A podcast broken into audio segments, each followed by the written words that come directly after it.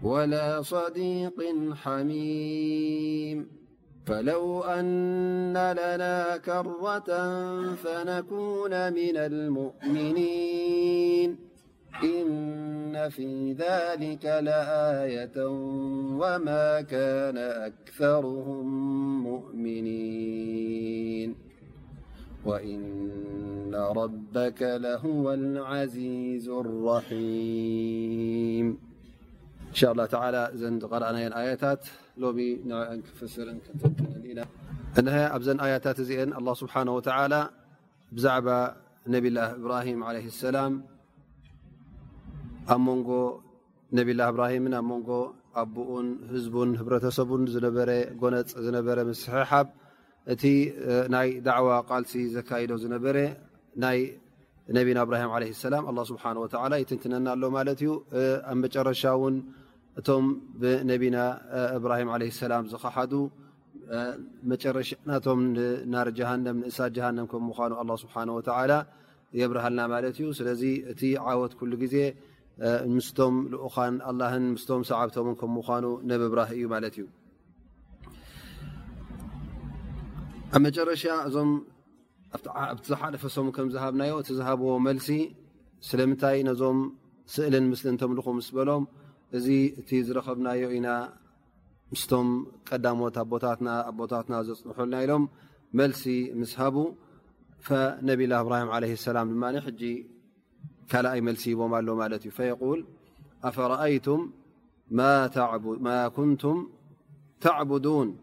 ኣንቱም ወኣባኡኩም ኣቅደሙን ፈኢነሁም ዓድው ሊ ኢላ ረብ ዓለሚን እዞም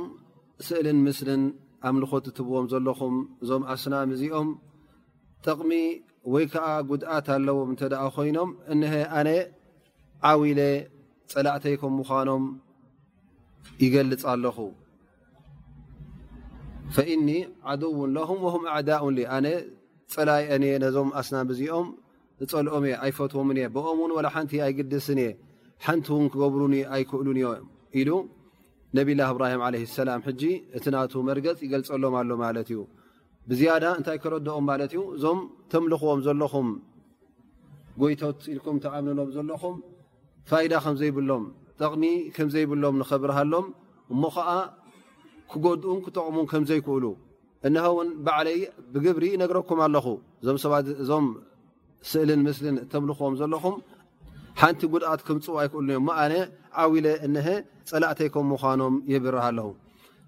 ከምዚ ኢሎም እውን ቶም ቀዳሞት ኣንቢያ እውን እንተዳርኢና ነብላ ኖሕ ዓለ ሰላም ነቶም ህዝቦም እንታይ ኢሎሞም ኣጅሚዑ ኣምረኩም ወሹረካኣኩም ث دن م ت م سم شرك ركم م يت رك لم ن يل كم ينينس أكبكم قن الله سبحانه وتعلى كلن قع ل كذلك نبي الهود عليه السلام ل إني أشهدا الله واشهدوا أني بريء مما تشركون من دونه فكيدوني جميعا ثم لا تنظرون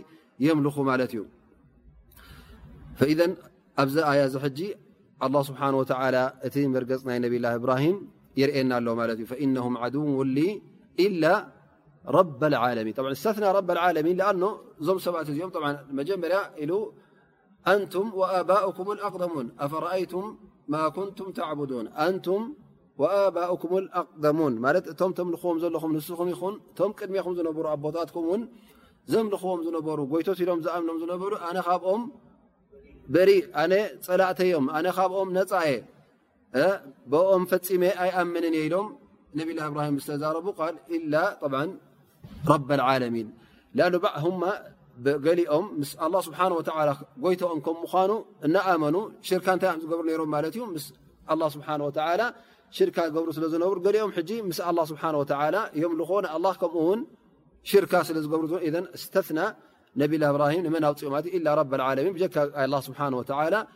እንተ ምስኡ ሽርካ ዝገብሩ ነሮም እቲ ጎይታ ናይ ብሓቂ ኣነ ንኡ ይኣምነሉ እየ ንሱ እውን ፀላእ ኣይኮነን ንሱ እንታይ ኣ ፈታውየ እዩ ፈትዎ እየ ኢሉ እዩ ሕጂ ዓው ኢሉ ዝዛረብ ዘሎ ማለት እዩ ነብላ እብራሂም ሕጂ እቲ ጎይትኡ መን ከም ምኳኑ እውን ይገልፅ ኣሎ ማለት እዩ ብምንታይ ከ ይፍለጥ እንታይ ዓይነት ቅፅል ወይ ከዓ እንታይ ዓይነት ሲፋት ኣለዎ ስለምንታይ ከየምልኾ ኣሎ እንታይ እዩ እቲ ጭብጥታት ንኣላ ስብሓን ወተላ ጥራይ ከምልኽ ዘገደዶ ነቲኦም ከዓ ነቶም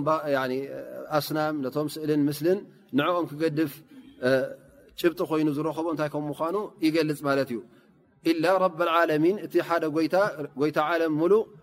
ብኡ ክኣምን እየ ንሱ ዩ ጎይታይ ለذ ኸለቀኒ ፈሁወ የህዲን ኣይ እቲ ዘምልኾ እዚ ጥራይ እዩ እቲ ንዓይ ዝፈጠረኒ ንኩሉ እውን ዝፈጠረ ንኩሉ ድላዩ ገይሩ ኣዚ ዓለም እዚ ዝፈጠረ ፈጣሪ ዓለም ንሱ እየ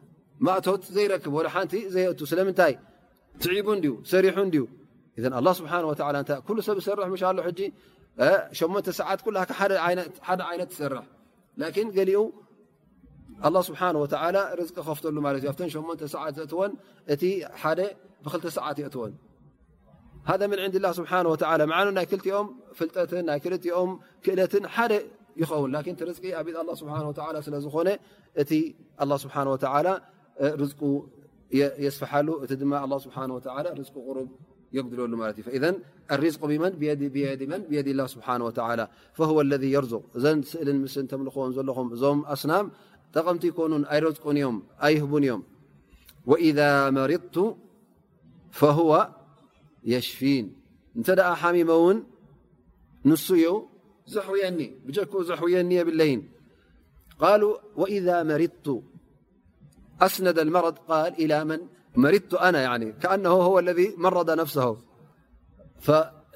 مع أن المرض بقضاء الله وقدره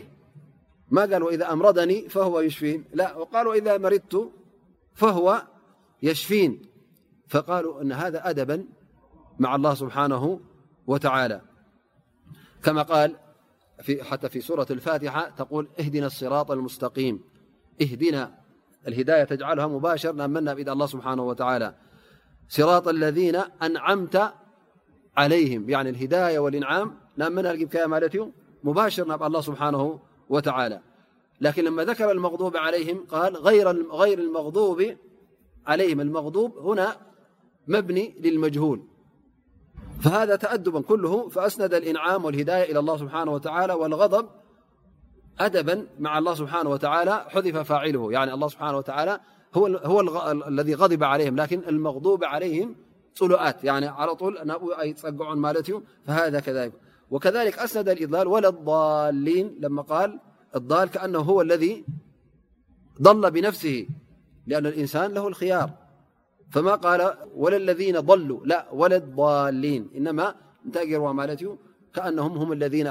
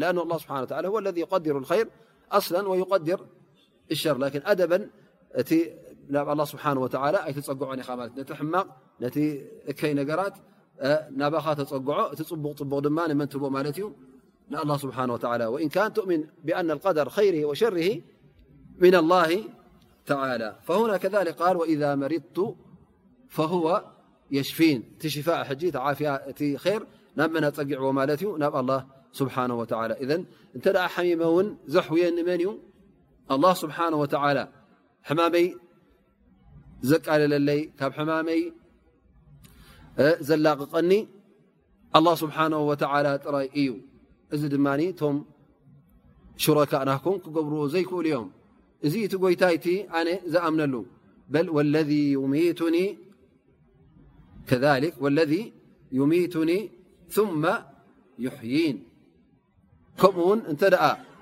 ስብሓ ን ንይ የሙተኒ ፅባሕ ንግሆ ውን ከተሰኣኒ እዩ ስለዚ እሱ ክእለት ዘለዎ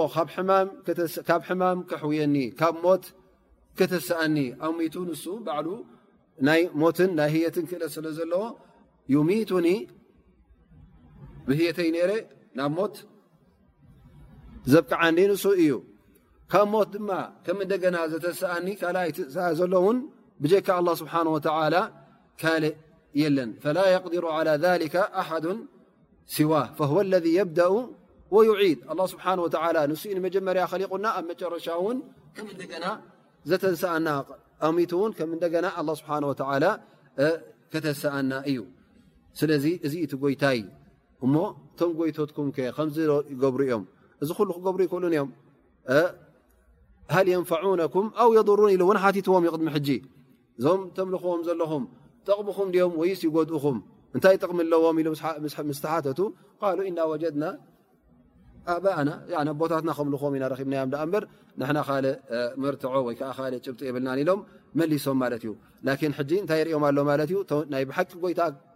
ከተምልኽዎ ዘለኩም እዚ ከም ዝኣመሰለ ጎይታ እዩ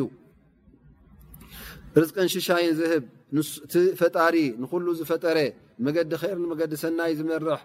ንዝሓመመ ዘሕዊ ንዝሞተ ዘትንስእ ንህየት ዘለዎ ዘምውት ወለذ ኣطመዑ ኣን የغፊረ ኸጢኣቲ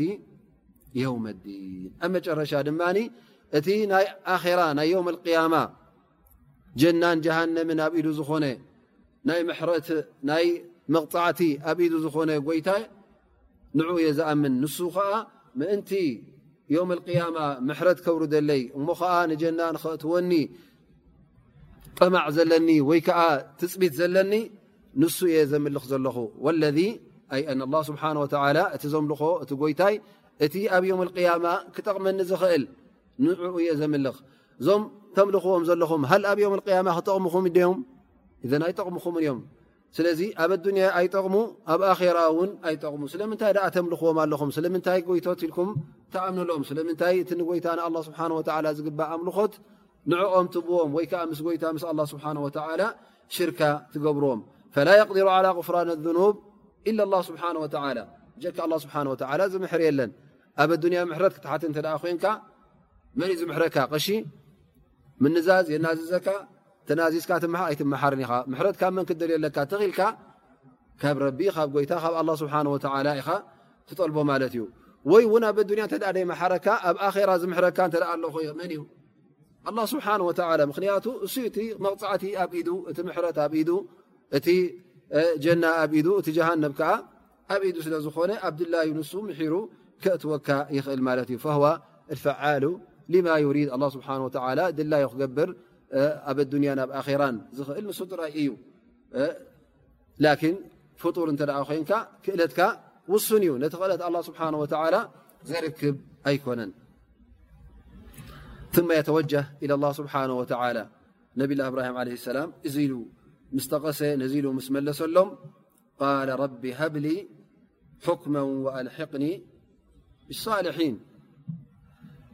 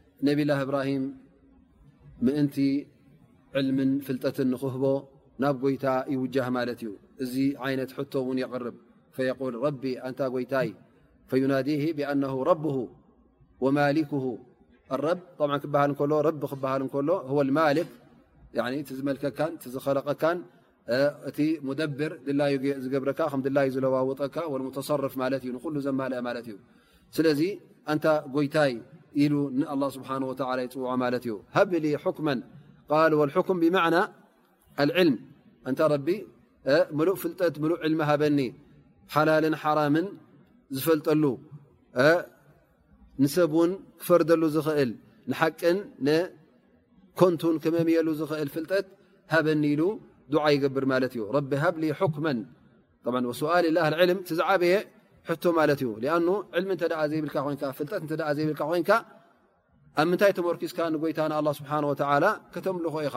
ካብ ኢኻ ትብገስ ኩሉ ግዜ ካብ ፍልጠት ኢኻ ትብገፅ ማለት እዩ ዕልሚ ዘይብሉ ኩሉ ግዜ ደንቆሮ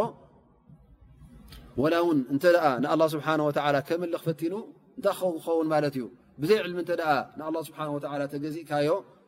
ቲ መግዛእትኻ እታ ክኸውን ማት እዩ ባዳ ናካ ወይከዓ ተኣምልኾት ናካ ጌጋ ክኸውን ማለት እዩ ኣኑ ግዴታ ንኣ ስብሓ ወ ክትግዝኦ ከለኻ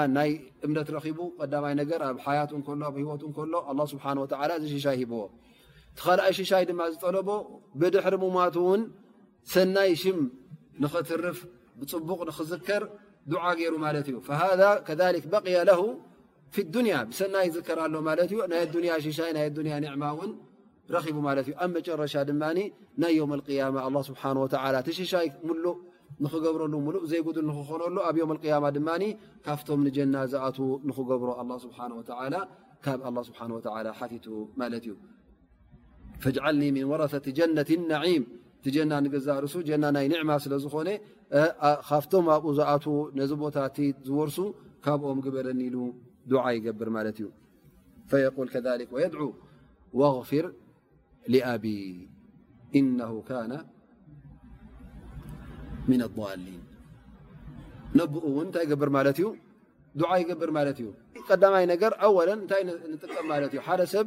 ነቦኡ ንወለዱ ኩሉ ግዜ ሰናይ ናቶም ር ናቶም ክደሊ ኣለዎ ማለት እዩ ወላ እውን ክሒዶም እተ ኣለዉ ኮይኖም እተ መገዲ ኢማን ስሒቶም ኣብ ማዕስያ ኣለዉ ኮይኖም ዱዓ ክገብረሎም ኣለዎ ረቢ ምእንቲ ናብ ር ንክሃድዮም ናብ መገዲ ር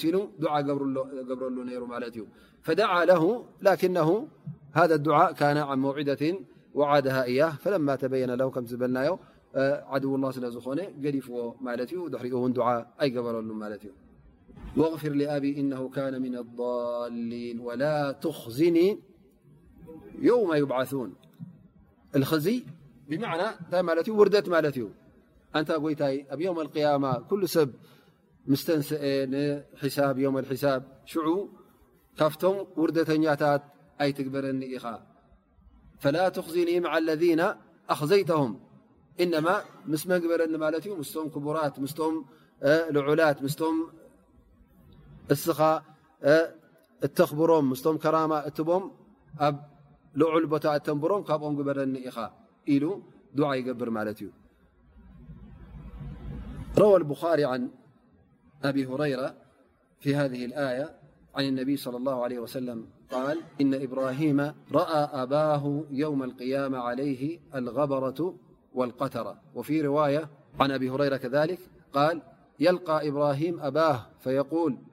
يا رب إنك وعدتني أنك لا تخزني يوم يبعثون فيقول الله تعالى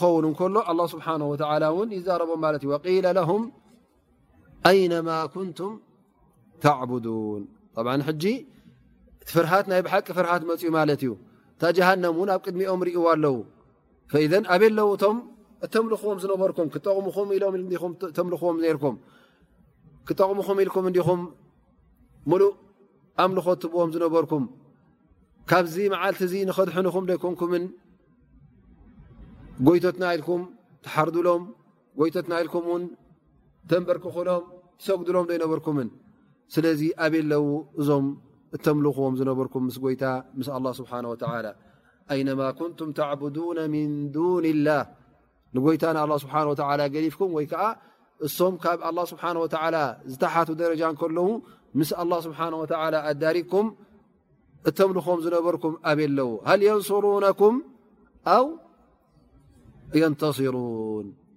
ንዓኹም ሕጂ ካብዚ ዓዛብ እዚ ካብዚ ስቃይ እዚ ከናግፍኹም ድዮም ወይ ንገዛእ ርእሶም ከ ንነፍሶም ክዐውቱ ይኽእሉ ድዮም ኣኖም ቶም ተምልኽዎም ዝነበርኩም ኣስናምን ስእሊ እተ ኮይኖም ሓንቲ ክገብሩ ይክእሉ እዮም ነብሶም ኣይጠቕሙ ንዓኹም ውን ኣይክጠቕምኹምን እዮም እንተ ፍጡራት ኮይኖም ውን ሰብ ይኹኑ ወላ ውን ከም መላካ ይኹኑ ኢልኩም ተኣምሎም ዝነበርኩም ሕጂ ይጠቕምኹም እተ ኮይኖም እስከ ይጥቀምኹም እዘን ክጠቕምኹም ኣይክእሉን እዮም ኣይክጠቕምኹምን ውን እዮም ፈኢነኩም ወሁም ሓሰቡ ጀሃነማ ኣንቱም ለሃ ዋሪዱን ኩልኹም ንስኹም ንሶም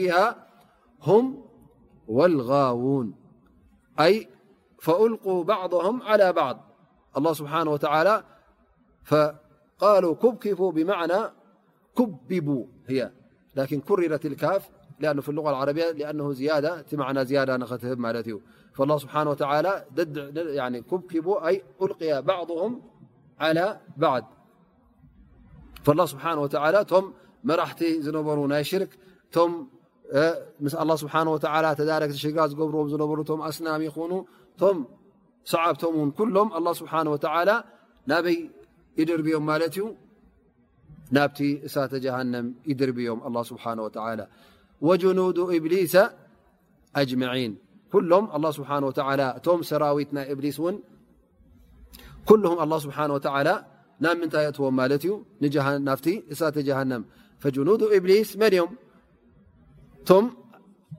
ንሰብ ዘጋግዩ ዝነበሩ ሸይጣን ዝለኣኾም ማለት እዩ ንሰብ ኣብ ክንዲ ንር ንሰናይ ዝመርሑ ናበይ ዝመርሑ ነይሮም ማለት እዩ ናብ መገዲ ሽርክን መገዲ ጥፍኣትን ዝመርሑ ዝነበሩ እዚኦም ኩሎም መን እዮም ሰራዊት ናይ መን እዮም ናይ እብሊስ ናይ ሸይጣን ኩሎም ኣላ ስብሓን ወተላ እቶም መራሕትን እቶም ተመራሕትን ኩሎም ናበይ ይድርብዮም ማለት እዩ ናብ እሳተ ጀሃንም ይድርብዮም ማለት እዩ ኣብኡ ሕጂ እቶም ካሓቲ እቶም ዝመርሑ ዝነበሩ እቶም ዝምርሑ ዝነበሩ ኩሎም ኣብቲ እሳተ ጀሃንም ዝተደርበዩ እንታይ እዮም ክገብሩ ቃሉ ወም ፊሃ የኽተሲሙን ሽዑ ነንሕዶም ክፃረፉ ነንሕዶም ክቋየቑ እውን ይጅምሩ ምክንያቱ እቲኦም መራሕቲ ነቶም ተመራሕቲ ክብልዎም እዮም ንና እንታይ ገርናኩም መዓስ ንና ኮይና ኣገዲድናኩም ና ሓንቲ ዝገበርና የብና ባዕልኹም ኢኹም ንዓና ስዒብኩምና እንታይ ኣእምሮ ኣይነበረኩምን ሓንጎል ኣይነበረኩምን ከማ ሓንጎል ኣለኩም ስለምንታይ ትስዕቡና ኢሎም ይምልስሎም እኦም ከዓ ንስኹም ኢኹም ኣጋጊኹምና እዚ ቲ መንገዲ ር እዚ መገዲ ሰና ኢልኩም ንዓና ኣጥፊእኩምና ኢሎም ሕጂ ነንሕዶም እንታይ ክገብሩ ጅምሩ ማለት እዩ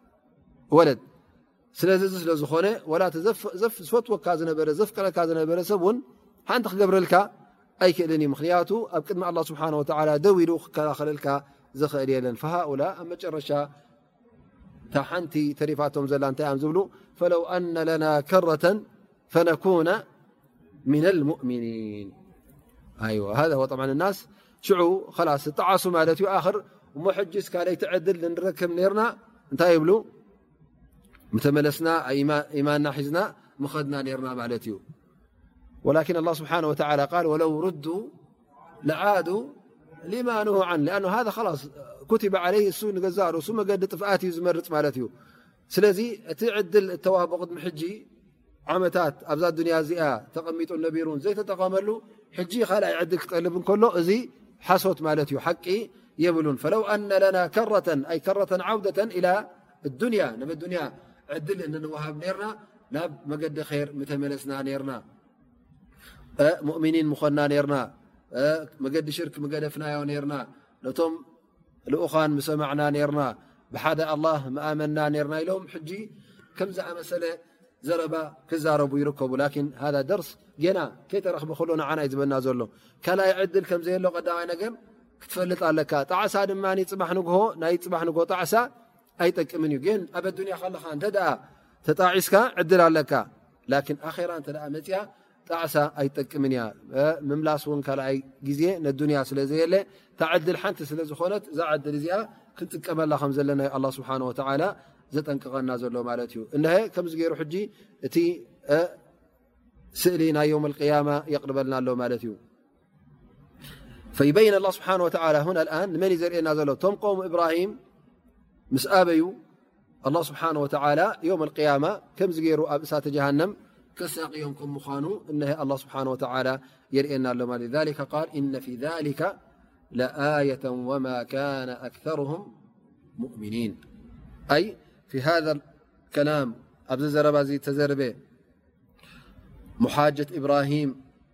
ሊቀውምሂ ወኢቃመት ልሑጀጅ ዓለይህም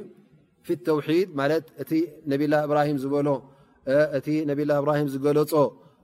እቲ ናይ ተውሒድ ጉዳይ ዝጠቀሰሎም ኣብ ምልኾት ንኣላ ስብሓን ወተላ ክኸውን ከም ዘለዎ እሞ ከዓ እቲ ጎይታ መን ከም ምኳኑ ዘብርሃሎም እዚ ኩሉ እንታይ እዩ ንገዛእ ርእሱ ዓብይ